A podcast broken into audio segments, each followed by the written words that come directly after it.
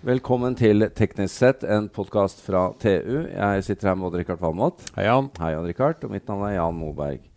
Odd-Rikard, nå har du akkurat kommet stormende inn tilbake fra å ha vært ute i dag. Ja. Uh, og, uh, og, du har tatt med deg en gjest som vi skal introdusere. Ja, look what, du, du måtte bare Look what the cat dragged in, ja, er vel spørsmålet. Du, du, måtte bare lage en podkast, det er viktig. Det er et viktig tema, Jan. Ja. Det er det. Dette er jo et tema som sånn indirekte har vært blant de 678 favorittemaene dine. Ja, det kommer lenger opp enn det. Ja. Elektrifisering i av, stor skala. Og av bil. Og av bil, ja. Men Så, ikke liten bil. Nå snakker vi ikke om din lille buddy. Nei. Det du har snakket om i dag, det er, det er om hvordan vi skal få til elbilrevolusjon også på trailere og de store bilene. Mm. Altså stor godstransport. Ja, for Norge har jo veldig ambisiøse mål for, for CO2-utslippreduksjon innen 2030. og Da må det skje på mange hold. På transport, ja. ja. Uh, ikke bare på transport, men uh, all Nei, over men the place. Men, men vi er nødt til å ta et ordentlig hugg i transporten også. Og mm. da er jo lastebiler og trailere helt åpenbart at vi må gjøre noe med. Og der, vet du, der har du vært og hørt om et prosjekt som heter Elingo. Altså Ja. elektrifisering av godstransport. Yep. Og der har vi fått med ingen ringere enn en professor i i bygg- og miljøteknikk fra NTNU, Rolf André Bone. Velkommen. Takk for det. Det er voldsom interesse du har trigget hos og drikkart her. Ja, det var bra stemning, og både Teknisk Ukeblad og ministeren virket interessert. Så det er Ja. jo interessant. For, bare for å ta det først, i det perspektivet vi snakker om. Uh, vi skal jo redusere uh, klimagassen i Norge. Hva, hva er perspektivet på denne sånn utslippsmessig? Ja, altså, transportsektoren, eller ikke-kvotepliktig sektor, skal jo redusere med 10 millioner tonn. Ja. Det er jo ganske formidabelt. Og vi har 50 millioner tonn i året i Norge. Ja, eh, og så Det er jo en 40 reduksjon i, i klimagassutslipp på transport. Det er jo det man sier. Og av den, det så er tungtransporten halvparten. Eh, så det, det setter jo perspektivet. Og, og så er det jo mange konkurrerende teknologier. Eh, felles for de fleste er at på sikt så ser næringen, eh, lastebilprodusentene, at det går mot elektrisk. Og så har vi en del mellomteknologier som vil bidra på kort sikt, som biogass, biodrivstoff og, og sånt. Mm. Men på sikt så blir det elektrisk, og med elektrisk så mener jeg da enten batterier, eller det vi har sett på som er elektrisk vei, som også er, har litt batterier i seg, eller hydrogen. For Ja. hydrogen er i våre øyne også en form for elektrifisering. Ja, men det som, det som dere er tydelige på i dette prosjektet, er at de store, kall det batteri-el-trailerne, eh, trenger et alternativ. Det gjør det, for skal du flytte et 50 tonns vogntog, så trenger du svære batterier. Da snakker vi eh, godt over eh, 1000 kW store batterier. Og, og det veier mye. Og, og det går jo på bekostning av lastekapasiteten i disse store vogntogene. Og så er det en annen sånn litt sånn ukjent X i oppi det hele. Det er jo tilgangen på batterier. Mm. Én ting er når lille Norge eh, kjøper elbiler til personlig bruk, men når resten av verden kommer etter, og det gjør de fort nå, ikke minst Kina, da vil det bli kamp om batteriene. Kamp om de sjeldne jordartene. Ja, eh, og, og da ser vi for oss at en elektrisk vei, eller lading i fart, som du også kan kalle det, For, for nå snakker vi om en bilbane. Ja, det gjør vi. Ja. gjør jo på mange Ja. måter det.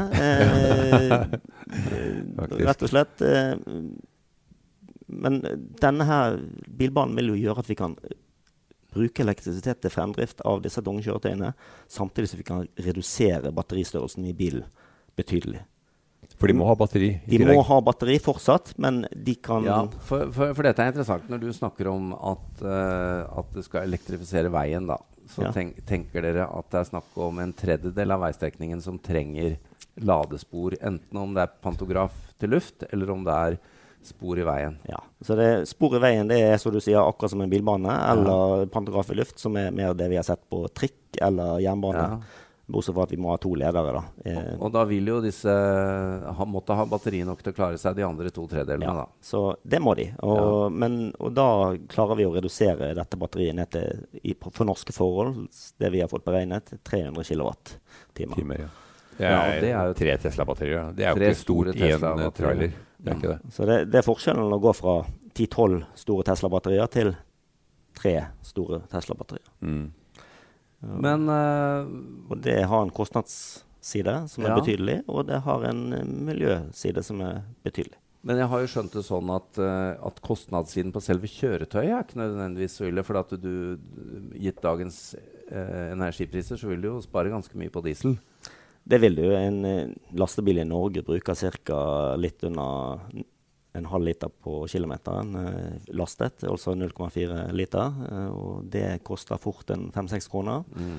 Eh, hvis vi tar litt godt i på strøm, så bruker det 1,8 kWt. Og det blir jo da godt under 2 kroner, så det er jo en differanse på 3-4 kroner kilometeren. Spart, ja. Ja. Og når du da kjører 100 000 km i året, så blir det fort penger av det. Ja, da tar frem kalkulatoren, så finner du ut av det. Ja. Men det som er kostnaden her, er jo å få installert disse enten da skinnene i bakken Richard, eller strekken i lufta. Ja, det har vært snakka om mange sånne konduktive teknologier. Eh, jeg må si at strømskinnet i bakken det syns jeg høres litt uggent ut med tanke på norske forhold, hvor vi salter veiene for å redusere friksjon og det, eh, pantograf, Et pantografsystem er jo enklere med tanke på snøforhold, salt eh, etc. Den er enklere, og de som skal drifte og vedlikeholde veien, foretrekker vel det. Eh, det erfaringene fra Sverige sier, er at det ikke er kan du si, verken brøyting eller salting som er problemet for skinnene i bakken, men det kan være en utfordring med telehiv. Ja. Telehiv, ja. Ja. Riktig. Eh, fordi at du, du, du bryter asfalten når du introduserer noe som har andre egenskaper enn resten av veibanen i forhold til Ja, du får kulde går jo ned i dette Ja. sporet. Og, ja, det, det, det er Så, sant. så, så det kan være utfordringen. Svenskene påstår at de ikke har hatt problemer, men eh, det, er noe så, det, det er den utfordringen. som er. Fordelen med å ha noe i bakken er jo at eh, da er du ikke lenger begrenset til de tunge kjøretøyene. Da kan du faktisk med litt ekstrautstyr lade Teslaen underveis. Ja. Ja, på en annen side, når det her blir en realitet, så har vel alle i Norge elbil, tror du ikke?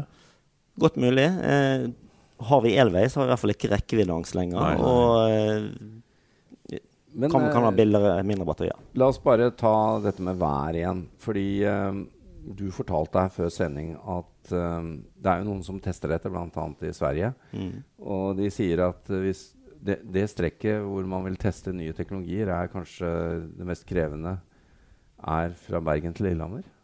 Det stemmer. Eh, snakker du med lastebilprodusentene, så sier de at det er det tøffeste strekket. Det, det har med temperaturendringer underveis å gjøre, det har med stigninger å gjøre, det har med kurvatur å gjøre, og det har ikke minst med snøkvalitet å gjøre. Altså konsistensen av snøen. Konsistensen på snøen de forteller at snøen eh, når du nærmer deg Vestlandet, den blir forandra karakter. Den blir klebrig. Om det er salt eller hva det er, det vet jeg ikke, men den fester seg på mangfoldige tonn som fester seg til kjøretøyet i løpet av en sånn tur. Det ligger jo an til gnistrende føre, Odd Rikard. Ja. Altså. Kanskje kan selge snø når vi kommer til snøfattige strøk. Men, men det er jo fascinerende at dette prosjektet nå faktisk er levert da, til eh, samferdselsminister. Og hva er det dere ser for dere? Du nevnte noe om eh, geografi i Norge og eh, hva som ville vært prioritert å bygge ut.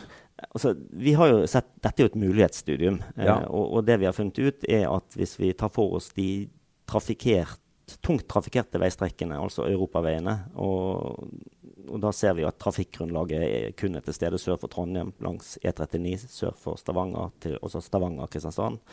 Kristiansand-Oslo på E18 og E6 eh, Oslo-Trondheim og, og videre også fra Oslo til Svinesund, eh, hvorav det er mest trafikk fra Oslo til Svinesund.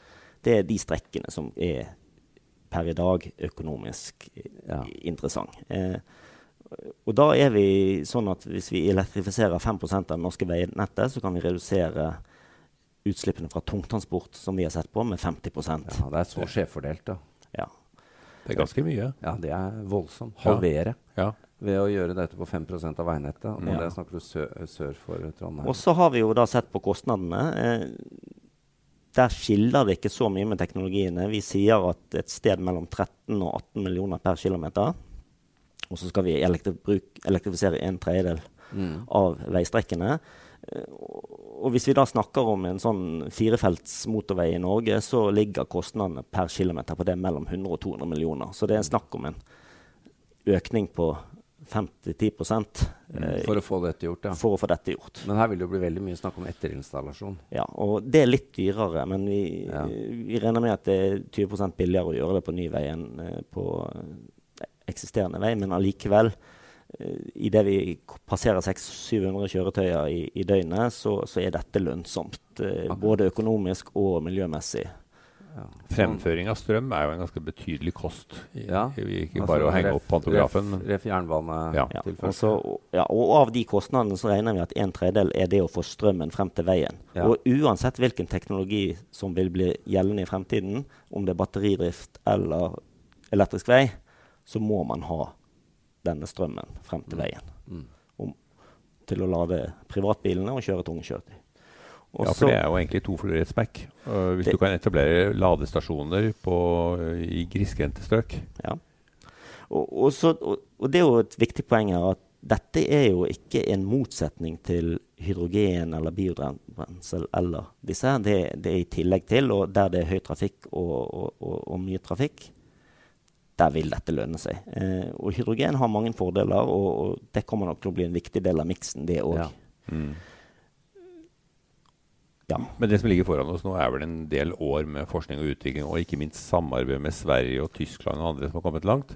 Og Helt så etter hvert så må vi lande på en, en ja, jeg ser for meg en europastandard, helst en verdensstandard. Ja, ja for det, det, er jo interessant, uh, som Richard bringer opp her, dette med standardisering. Her, det må jo komme en slags standard her. sånn... Uh. Det er europeisk standardiseringsarbeid på gang. Eh, vår mening om det er jo at vi må hive oss på altså for å være med og diskutere dette. Og da må vi også ha noen forsøk mm. i gang, mm. sånn at vi vet hva vi snakker om. Eh, ja. Og så har svenskene testet dette her? De har testet både i bakken og i luften. Eh, Tyskland ruller nå ut noen lengre teststrekk i luften. Eh, og, og Sverige og Tyskland har jo også på øverste politisk nivå skrevet en samarbeidsavtale på dette. Det er eh, ting som rører seg, da, Rikard?